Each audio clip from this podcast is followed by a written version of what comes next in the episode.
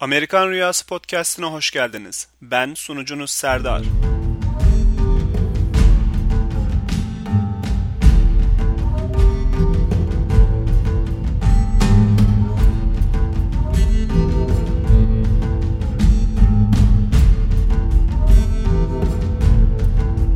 Amerika ile ilgili sorularınız ya da podcast ile ilgili görüşleriniz için e-mail adresimiz amerikanrüyasıpodcast@gmail.com Twitter adresimiz at amerikanrüyası. Podcast'i YouTube'dan takip etmek isteyenler için YouTube kanalımız Amerikan Rüyası. Amerikan Rüyası Podcast'i ikinci bölüme hoş geldiniz. Bu bölümün konusu kültür şoku. Türkiye'den Amerika'ya gelen birçok insan kültür şokunu yaşıyor. Ben de bunu yaşayanlardan biriyim. Bu kültür şokuyla bazı insanlar iyi baş ediyorlar ve burada kalıyorlar, mutlu oluyorlar. Fakat bazıları pek baş edemiyorlar. Ya geri dönmeye karar veriyorlar ya burada mutsuz bir şekilde hayatlarını devam ettiriyorlar. Bu bölümde kültür şokunun ne olduğunu öğreneceğiz ve bununla nasıl baş edilir bunu konuşacağız. Ayrıca birkaç tane dinleyici sorusu var. Bunlara cevap vermeye çalışacağım.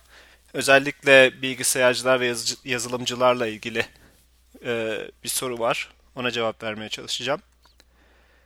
Şimdi ilk önce kültür şokundan bahsedelim. Kültür şokuyla baş etmenin en iyi yolu kültür şokunun ne olduğunu bilmek ve e, nelerle karşılaşacağınızı tahmin etmek. Bunu bilirseniz bununla daha iyi baş edebilirsiniz. Kültür şoku bir psikolojik bir süreç. Bu süreç farklı kademeleri var. Buraya ilk geldiğiniz zaman kültür şoku anında başlıyor. İlk birkaç hafta çok heyecanlı geçiyor. Yeni yerler görmek, yeni yemekler yemek, daha önce görmediğiniz ürünleri alışverişe gidince görmek, farklı insanlar görmek, tanımak bunlar e, bir heyecan yaratıyor insanda. Aynı turistik gezi gibi oluyor. Fakat çok uzun sürmüyor bu dönem. Aşağı yukarı birkaç hafta sürüyor. Bu dönem içinde benim en çok fark ettiğim hem kendim yaşadım hem buraya yeni gelen insanlar yaşadığını gördüm. Bir alışveriş merkezinde veya bir yerde bir kişinin Türkçe konuştuğunu duyunca hemen heyecanlanıyor insanlar. Bende de öyle olmuştu. Hemen gidip tanışma isteği oluyor. Aa Türk bak bir tane daha Türk buldum benim gibi diye. Normalde Türkiye'de görse selam vermeyeceği, arkadaş olmaya çalışmayacağı insanlarla burada arkadaş olmaya çalışan birçok insan oluyor. Ben de bu dönem çok fazla alışverişe gidiyordum. Ben bu şekilde geçirdim ilk dönemimi. Çünkü her şey çok ucuz geliyordu. İşte pantolonlar, gömlekler, ayakkabılar. Aa ne kadar ucuz burada diyordum. Ee, sürekli alışveriş yapmak istiyordum. Ee, hatta şampuan görüyordum mesela. Aa, Türkiye'de böyle bir şampuan yok diye şampuan alıyordum. Ee, heyecanlı geçmişti birkaç hafta. Ama birkaç haftadan sonra artık böyle tedirginlik ve strese bırakıyor yerini bu heyecan. Bu da kültür şokunun ikinci dönemi olarak kabul edebiliriz. Bu dönemde dil problemi yaşayanlar özellikle sıkıntı çekmeye başlıyorlar. Tabi insanların farklı yaşam tarzları var. Bu insanların farklı yaşam tarzları, adetleri size batmaya başlıyor. Ailenizi özlemek, arkadaşlarınızı özlemek, Türk yemeklerini özlemek. Bunlar sıkça karşılaşılan sorunlar. Hatta ben neden geldim buraya diyordum. Geri dönmeye karar vermiştim. Keşke gelmeseydim. Bana göre değil burası diyordum. Ee, bu dönemde birçok insan ya kendini dışlıyor kültürden. Çünkü artık korkmaya başlıyor kültürden. Ya da etrafınızı Türklerle çevirmeye başlıyorsunuz. Ee, nerede Türk görürseniz onun arkadaşı olmaya çalışıyorsunuz ve hep Türkler birbirleriyle takılıyorlar. Böylece kendi içinde Amerika'da Türk kültürünü yaşamak, Türk dilini konuşmak, e, bu şekilde kendini izole etmek insanı rahatlatıyor biraz. Ama bu süreçten çıkmak lazım. Bu, bu şekilde çok fazla gitmez yani. Türkçe televizyon izlemek, Türkçe müzik dinlemek, her, her zaman böyle Türk yemekleri yiyebileceğiniz restoranlara gitmek, Türk ürünleri satan marketlerden alışveriş yapmak. Bunlar çok sıkça karşılaşılan şeyler ama e, sürekli bu şekilde yaşamaya kalkarsanız Yani Amerika'da Türkiye'yi yaşamaya kalkarsanız bu kültür şokundan bir sürü bir türlü çıkamazsınız ve mutlu olamazsınız tam anlamıyla öyle söyleyeyim. Amerikalılarla veya Türkçe bilmeyen insanlarla diyeyim e, iletişim kurarken zorlanıyorsunuz tabi. Bu zorlanma durumunda eğer birileri size ilgi gösterirse, iyi davranırsa hemen onlarla arkadaş olmaya çalışıyorsunuz. Yani normalde hiçbir ortak özelliğiniz olmasa bile onlarla hemen arkadaş olmaya çalışıyorsunuz ama tabi asla gerçekten arkadaş olamıyorsunuz bu insanlarla. Çünkü ne onun söylediğini siz tam anlayabiliyorsunuz ne sizin söylediğinizi o insan tam anlayabiliyor. O yüzden hep böyle ikinci planda kalıyorsunuz gruplar içinde veya arkadaş ortamında. Bu da tabii kolay bir şey değil. Ben mesela buraya ilk geldiğim zaman bir dil okuluna yazılmıştım. Ee, bu dil okulunun daha seviye tespit sınavında baktım birileri Türkçe konuşuyor. Hemen yanlarına gittim. İki tane Türk. Tanıştım bunlarla. Yani normalde Türkiye'de olsam hiçbir ortak özelliğimiz olmayan, yaşam tarzlarımız birbirinden tamamen farklı, e, normalde arkadaş olmayacağım insanlar. Ama bu üç kişilik bir grup oluşturduk ve sürekli birbirimizle takılıyorduk. Ama şimdi sorsanız adlarını bile hatırlamıyorum açıkçası. Tabi bu 6 ay, 1 yıl süreyle bu bu şekilde gidiyor.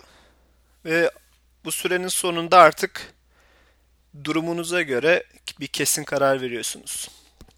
Eğer bu kültür şokuyla başa çıkabildiyseniz burada kalıyorsunuz ve mutlu bir şekilde devam ediyorsunuz ama tabii kültür şokuyla başa çıkamayan insanlar da bu süreç sonunda Türkiye'ye geri dönmeye karar veriyorlar. Ben e, Türkiye'deyken buraya gelmeye karar verdiğim zaman Amerika'ya gelmiş veya başka ülkelere gitmiş geri dönmüş insanlarla konuşmuştum nasıl oluyor diye. Bazıları bana kesinlikle gitme, e, hiç sevmeyeceksin, hiç sevmezsin, alışamazsın dediler. Beni biraz korkuttular ama şimdi anlıyorum ki onlar kültür şokuyla baş edememişler. Bu yüzden böyle söylemişler. O yüzden siz de burayı kötülenenler olursa öyle düşünün. Kültür şokuyla bu insanlar başa çıkamamışlar. O yüzden geri dönmüşler diye düşünebilirsiniz. Tabi bu süreç sonunda dili öğrenmeye başlıyorsunuz. Kültürü öğrenip kabullenmeye başlıyorsunuz. Buna güzel bir örnek eğer izlediyseniz 13. Savaşçı filminde Antonio Banderas'ın bir sahnesi var. Ateş başında.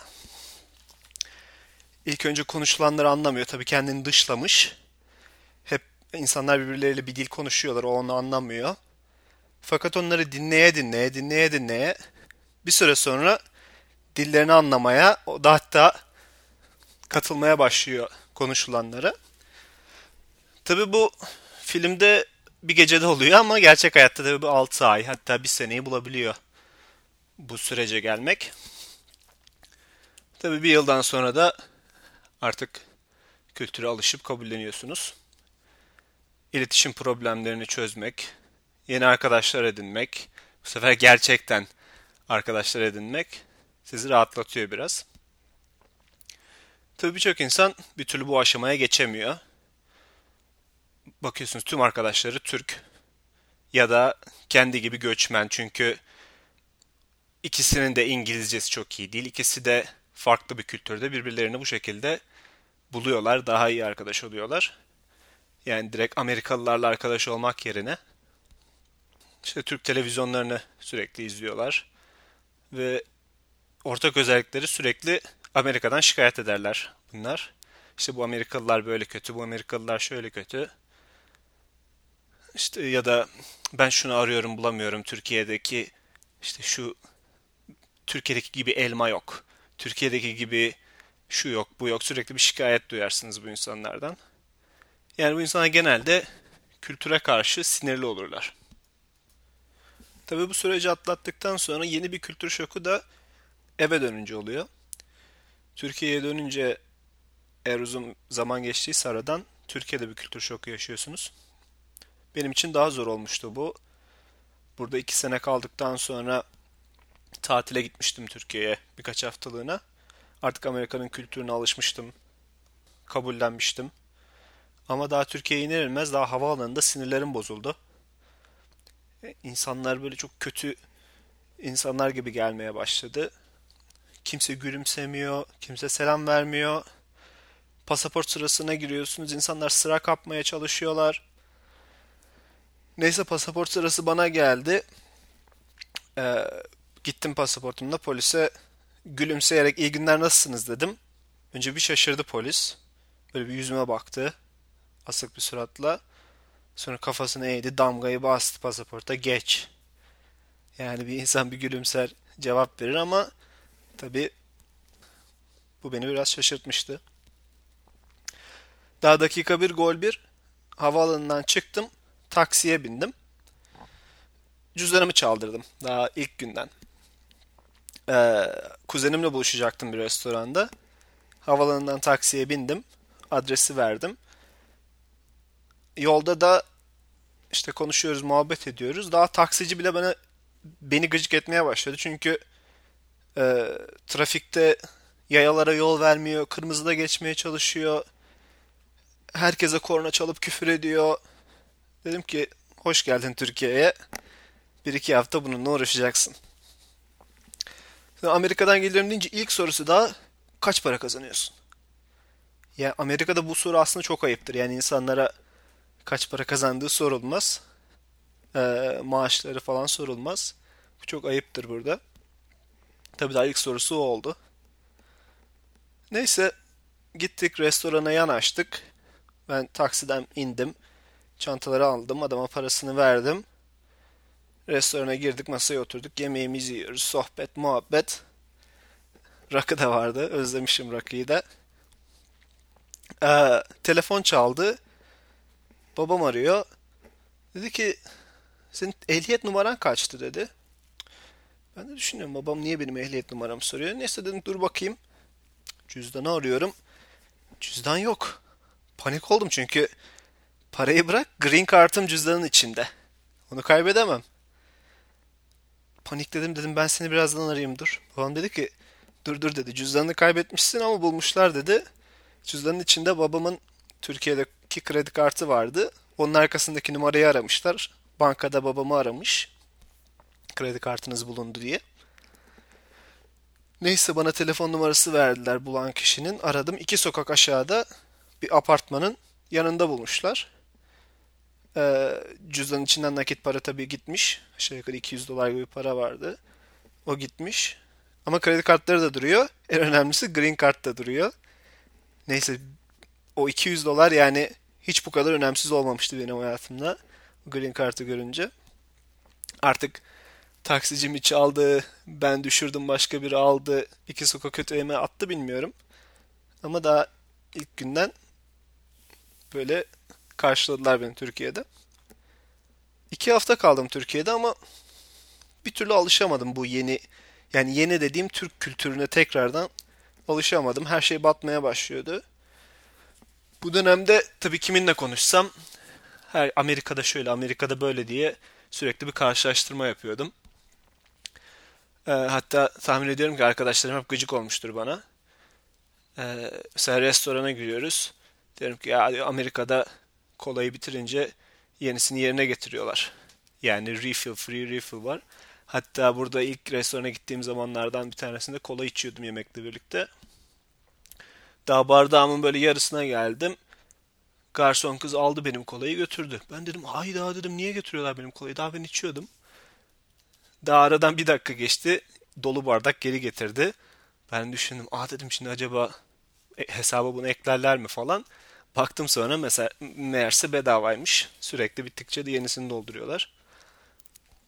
Düşünüyordum bu Türkiye'de olsa insanlar herhalde mideleri delinene kadar kola içerler. Ellerini falan yıkarlar herhalde kolayla sürekli bedava kola gelse. Böyle farklılıklar da var. Mesela markete giriyoruz diyorum ki Amerika'da işte kasalar da bazı kasalarda kasiyer yok. Kendi ürünlerini barkodlarını okuyup okuyup geçiriyorsun. Sonra ödemeyi yapıyorsun. Ya da trafikte tabi Türkiye'de ne yaya geçidi var ne kırmızı ışık var. Ee, diyordum ki Amerika'ya gittiğimizde de, de diyordum Orada yayalara yol veriyorlar. Trafik şöyle güzel böyle güzel. Sürekli bir karşılaştırma yapıyordum. Yine ilk geldiğimiz zaman alışverişe gitmiştik. Annem babam ben. Ee, buradaki strip mall diyorlar ona bazı alışveriş merkezi. Tek bir bina yerine bir alan içerisinde farklı farklı binalar. Her markanın kendi ayrı binası, dükkanı var. Tabi e, içeride de trafik var. Arabalar geçiyor, gidiyor, park yerleri var. Bir dükkana girdik. Sonra çıktık. Annem içeride hala bir şeylere bakıyordu. Biz de babamla dükkanın önünde annemi bekliyoruz. Kaldırımın kenarında. Bu sırada bir araba durdu hemen önümüzde. Yani bir 10 metre falan ilerimizde durdu. Biz de bakıyoruz niye durdu acaba diye. Sonra adam bize eliyle geç geç yapıyor. Yani bizim karşıdan karşıya geçmeye niyetimiz yok. Bekliyoruz annemi. Tabi adama da kendimizi anlatamadık. Neden durduğunu anlamadık. Şaşırdık. Artık adama saygımızdan ayıp olmasın diye biz karşıdan karşıya geçtik. Sonra tabi adam gitti. Baktık gidince geri döndük tekrar. Ama bir daha kaldırım kenarında beklemedik tabi öğrendik. Bu da bizim için bir kültür şoku olmuştu. Kültür şokunu önlemek için gelmeden önce veya geldikten sonra yapabileceğiniz şeyler var. Neler yapılabilir? Mesela gelmeden önce en önemlisi İngilizcenizi geliştirmek. Duolingo diye bir app, bir uygulama daha önce tavsiye etmiştim. Onunla başlayabilirsiniz eğer İngilizceniz kötüyse. Hatta Amerikalı birileri tanıdığınız varsa veya çevrenizde varsa bunlarla konuşmak, konuşarak geliştirmek çok önemli. Ee, dinlemek, Amerikan aksanını dinlemek. YouTube'da birçok tabi video var dinleyebilirsiniz. Ee, Amerika'daki hayatı anlatan, buradaki kültürü anlatan diziler, filmler izleyebilirsiniz. Yani macera, bilim kurgu filmleri yerine komedi veya drama filmleri biraz daha gerçekçi oluyor. Kültürü anlama açısından. Komedi filmleri de özellikle Amerikan espri anlayışını anlamak için önemli olabiliyor. Tabi Amerikan espri anlayışı bizimkinden farklı. Hatta İngilizceyi Türkiye'de öğrenen iyi bilse bile e, Türkiye'de öğrenen ve Türkçe ana dili Türkçe olan insanlar bazen Türkçe şakaları İngilizceye çevirip yapmaya çalışıyorlar ama tabi espri anlayışı farklı olduğu için hiç komik olmuyor. Tam tersi de geçerli. Amerikan şakalarını Türkçe'ye çevirdiğiniz zaman da çok komik olmuyor. Hatta biz Amerika'da yani Amerika'ya gelmeden önce Türkiye'deyken ya bu Amerikalılar da hiç şakadan anlamıyor, hiç espri anlayışları yok diyordum. Ama meğerse varmış. Hatta çok da güzel bir espri anlayışları varmış. O yüzden bunu öğrenmek için bu komedi filmleri falan ya da diziler veya televizyonda olan şovlar çok faydalı olabilir. Birkaç tane tavsiye verebilirim. Mesela e, Jimmy Kimmel Show, Jimmy Fallon Show bunlar e, talk show tarzı programlar. E, dizi olarak Seinfeld, Big Bang Theory, How I Met Your Mother, Friends. Bu filmler, bu diziler daha doğrusu e, espri anlayışını geliştirmek açısından hem de İngilizceyi ve kültürü öğrenmek açısından faydalı olur. Onun dışında e, drama dizilerinden Breaking Bad ya da The Wire e, faydalı olabilir. Hem çok güzel diziler bunlar. Veya Aaron Sorkin'in yazdığı her şeyi izleyin derim. Çünkü çok iyi diyalog yazar. Sürekli bir diyalog karşılıklı oluyor onun yazdığı filmlerde ve dizilerde. Newsroom diye bir dizisi var. O gayet güzel. Hem de Amerikan kültürünü anlatma açısından özellikle politik kültürü anlatmak açısından çok güzel bir dizi. Filmler olarak da tavsiye edebileceğim American Beauty, Office Space, e, My Big Fat Greek Wedding. Bu, bu filmler kültürü anlamak açısından faydalı olabilir. E, eğer İngilizceniz çok iyi değilse önce Türkçe altyazı ile izleyin filmleri ve dizileri. Daha sonra anlamaya başladıkça İngilizce altyazıyla izleyin. Türkçe altyazıyla izleyince kelime hazneniz gelişiyor. Yani Türkçe bir kelimenin İngilizce nasıl söylendiğini ya da özellikle cümlelerin nasıl söylendiğini öğreniyorsunuz. İngilizce altyazıyla izleyince de ya bildiğiniz bir kelimenin nasıl söylendiğini, nasıl telaffuz edildiğini ya da nasıl yazıldığını öğrenmek açısından çok faydalı oluyor. Bunun dışında İngilizce kişisel gelişim kitapları okumanızı tavsiye ederim. Bazı buna da tavsiye olarak uh, How to Win Friends and Influence People Dale Carnegie'nin kitabı. Buradaki en popüler kişisel gelişim kitaplarından biridir. Hatta en popüleridir. Milyonlarca, yüz milyonlarca hatta satılmıştır. Onun dışında Seven Habits of Highly Effective People, Stephen Covey. Ee, bu da güzel bir kişisel gelişim kitabıdır. Napoleon Hill yazdığı Think and Grow Rich. Bu Amerika'da para kazanma ve e, başarılı olmanın biraz böyle sırrı diyeyim ama açık fikirli olmanız lazım bu kitabı okumak için. Çünkü eğer çok açık fikirli değilseniz saçma gelebilir. Bunun dışında İngilizce podcastler dinleyebilirsiniz. Amerika'da yapılmış podcastler. İngilizce tavsiye edebileceğim komedi olarak Adam Carolla Show var. Gayet e, güzel bir her gün oluyor bu tabii bu show. Onun dışında Serial diye bir podcast var. E, This American Life ya da Free Economics bu podcastler çok faydalı olur burayı hem İngilizce öğrenmek hem de Amerikan kültürünü öğrenmek açısından. Tabi bundan gelmeden önce yapacağınız, yapabileceğiniz şeyler. Geldikten sonra neler yapabilirsiniz? Tavsiyem e, Türklerle tanışın tabi ama kendinizi sadece Türklerle çevrelemeyin. Amerikalı arkadaşlar da edinin. Mümkün olduğunca. Ben buraya ilk geldiğimde e, birkaç tane Türk'le tanışmıştım ama çok fazla onlarla e, çok sıkı fıkı olmamaya çalıştım. Çünkü biliyordum ki onlarla arkadaşlık edersem, sürekli onlarla takılırsam sürekli Türkçe konuşacağım ve İngilizcemi bir türlü geliştiremeyeceğim diye düşünüyordum. Yani Türk ev, arkadaşı bulmak yerine Amerikalı bir ev arkadaşı buldum. O ev arkadaşım aracılığıyla aslında yine bir Türk'le tanıştım. Hatta şu anda en yakın arkadaşım burada. Ama o da çok uzun yıllardır burada olduğu için onun da çevresindeki arkadaşları hep Amerikalılardı.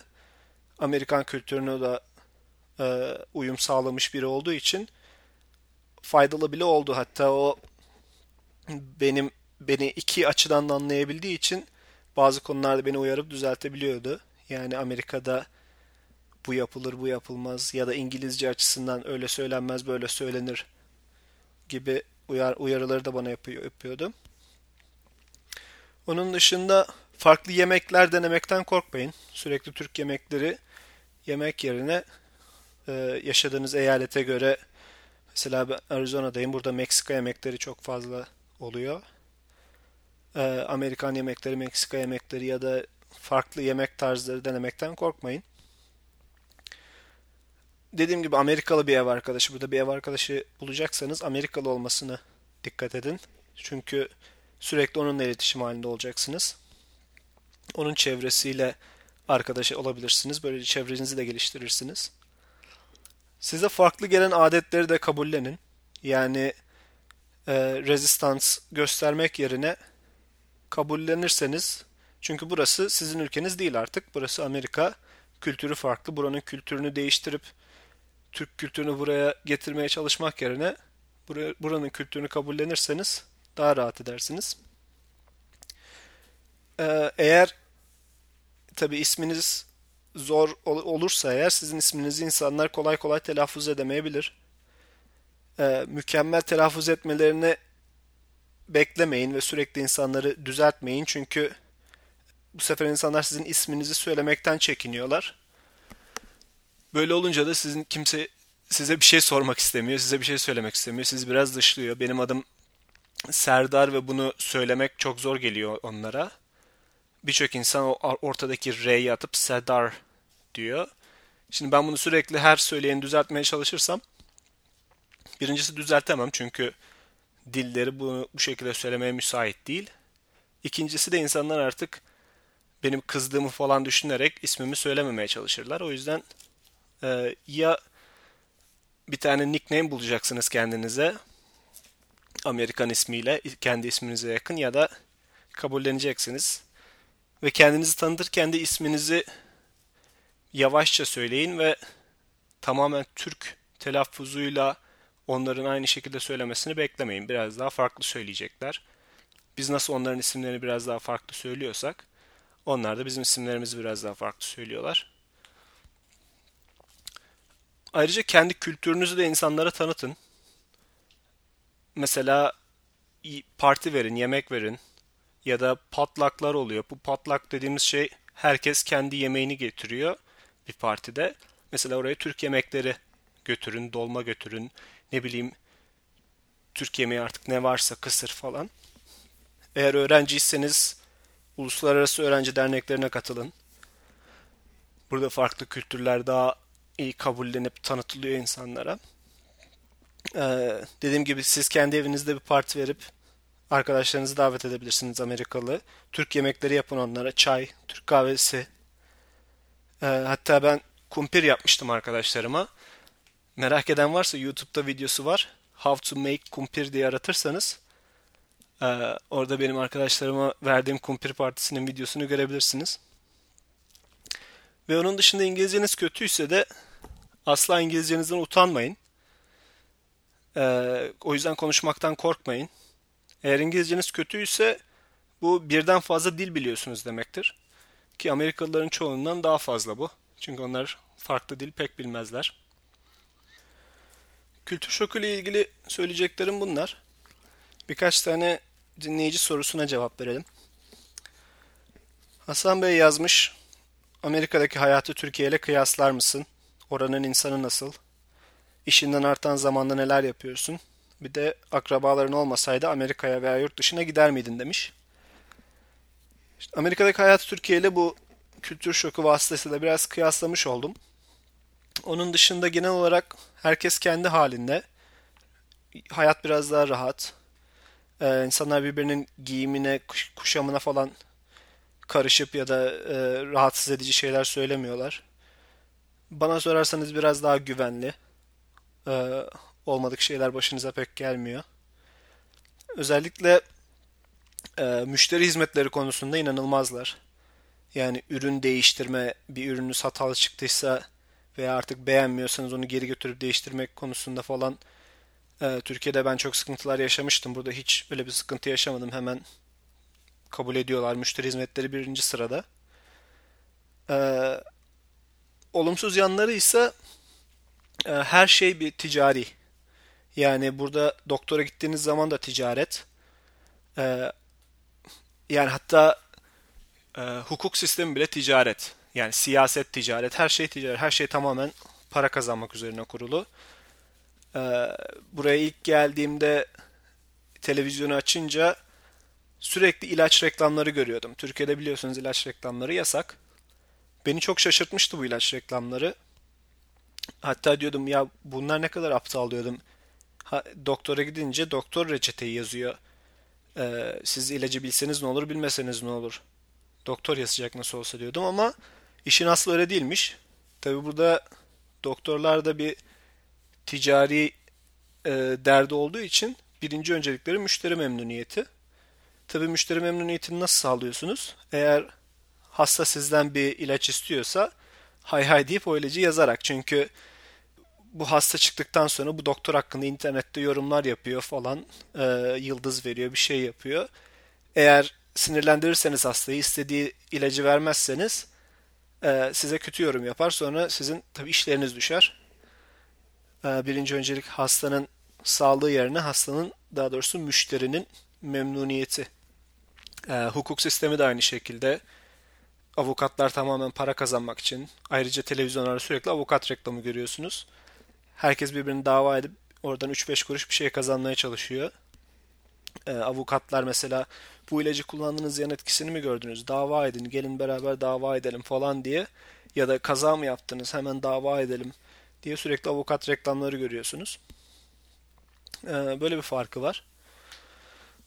Oranın insanı nasıl? Yani buranın, burada da her çeşit insan var. Çünkü çok kültürlü bir ülke. Eğer e, çok izole bir eyalette, izole bir şehirde yaşamıyorsanız her kültürden insan var burada. Hatta öz be öz Amerikalı sayısı bazı eyaletlerde %50'nin altında. O yüzden bir genelleme yapmak çok zor. Her çeşit, aklınıza gelen her çeşit insandan bulabiliyorsunuz burada. İşinden artan zamanda neler yapıyorsun? Podcast yapıyorum. Ee, şaka bir yana işimden artan zamanda yani daha çok evde zaman geçirmeyi seviyorum ben. Ee, okulum var aynı zamanda okula devam ediyorum. Master yapıyorum. Onunla uğraşıyorum. Ee, işte podcast yapıyorum. Kitap okuyorum. Ee, bazen e, dışarıya çıkıp e, yürüyüş yapmak, hiking yapmak bunları seviyorum. Genelde böyle. Akrabaların olmasaydı Amerika'ya veya yurt dışına gider miydin? Giderdim ama kalır mıydım bilmiyorum. Çünkü burada kalmak konusunda e, yaşadığım sıkıntılarda onlar çok destek oldular. O yüzden onların desteği olmadan kalır mıydım ona emin değilim. Ve Emrecan sormuş. Emrecan bu podcast'ı ortak yapacağız onu artık. Ee, hem podcast'ın formatı açısından hem de e, genel olarak podcast'in başarısı açısından çok fazla e, olumlu yorum yapıyor kendisi. Teşekkür ediyorum ona da. Çok güzel önerileri var. Ee, o da sormuş ki yazılım alanında kendimi geliştirmek ve bu sektörde çalışmak istiyorum. Orada tanıdığım yok. Maddi gücüm yok. 18 yaşındayım. Ne önerirsin demiş. Bir de çevrende yazılımcı olarak çalışan bir Türk var mı diye sormuş. Şimdi ilk önce tabii İngilizce öğrenmek çok önemli. Yani İngilizce bilmeden burada çalışmayı bırak hayat çok e, güzel geçmez. Yazılım konusunda kendini hakikaten geliştirmen gerekiyor. Çünkü burada rekabet çok fazla. Dünyanın en iyi yazılımcıları buraya geliyor. Özellikle Hintliler ve Asyalılar çok fazla burada. Ee, o yüzden ortalama bir yazılımcı olmak yerine en iyisi olmak üzerine sürekli kendini geliştirmeye çalış. Startup şirketlerinde iş bulabilirsin. Ee, çünkü büyük şirketler daha çok e, master'ı olan ya da doktorası olan e, ve çok geçmişi, tecrübesi olan insanları tercih ediyorlar. Ama eğer işinde iyisen, kendini iyi geliştirdiysen e, startup şirketlerde daha ucuza onlar eleman aradıkları için orada hem tecrübe edinirsin hem de kendini geliştirirsin. Ee, onun dışında kendi kendine e, telefonlara veya tabletlere uygulama yazabilirsin. Bu şekilde hem 3-5 kuruş para kazanırsın hem de öğrenirsin, kendini geliştirirsin. Benim tavsiyem yazılımcılara genel olarak eğer burada çalışmak istiyorsanız belli bir alanda uzlaşmanız, e, uzmanlaşmanız. E, her şeyi yapmak yerine bir alanın uzmanı olmak ve o işi çok iyi yapmak önemli. E, Amerika'da genel olarak insanlar böyle her şeyi çok iyi yapmak yerine çok spesifik şeyleri çok iyi yaparak iş buluyorlar ve kendilerini geliştiriyorlar.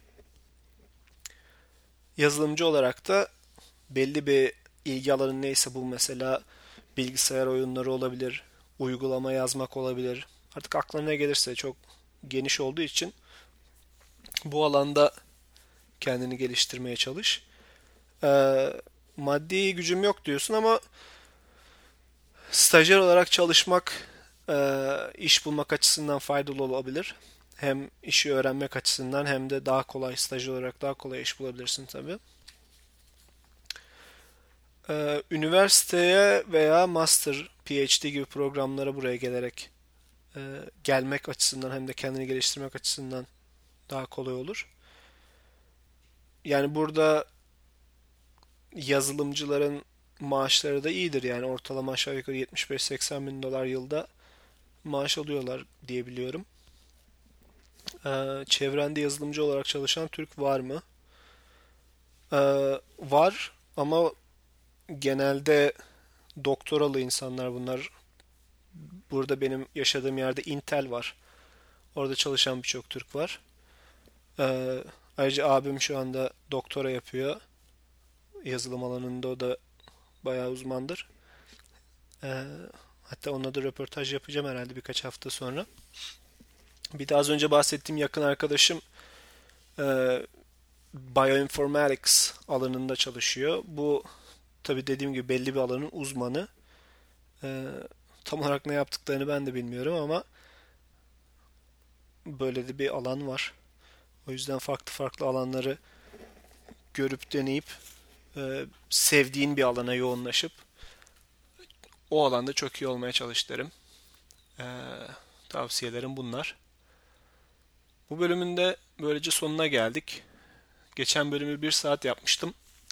Hem bana çok uzun geldi hem bazı dinleyenlere çok uzun geldi. O yüzden 30-40 dakika arası tutmaya çalışacağım bölümleri. Ee, sorularınızı göndermeye devam edin. Mümkün olduğu kadar cevap vermeye çalışacağım. Hem e-mail olarak Amerikan Rüyası Podcast at gmail.com ya da Twitter'dan at Amerikan Rüyası'ndan takip edip sorularınızı yönlendirebilirsiniz. Bugünlük bu kadar. Herkese teşekkürler.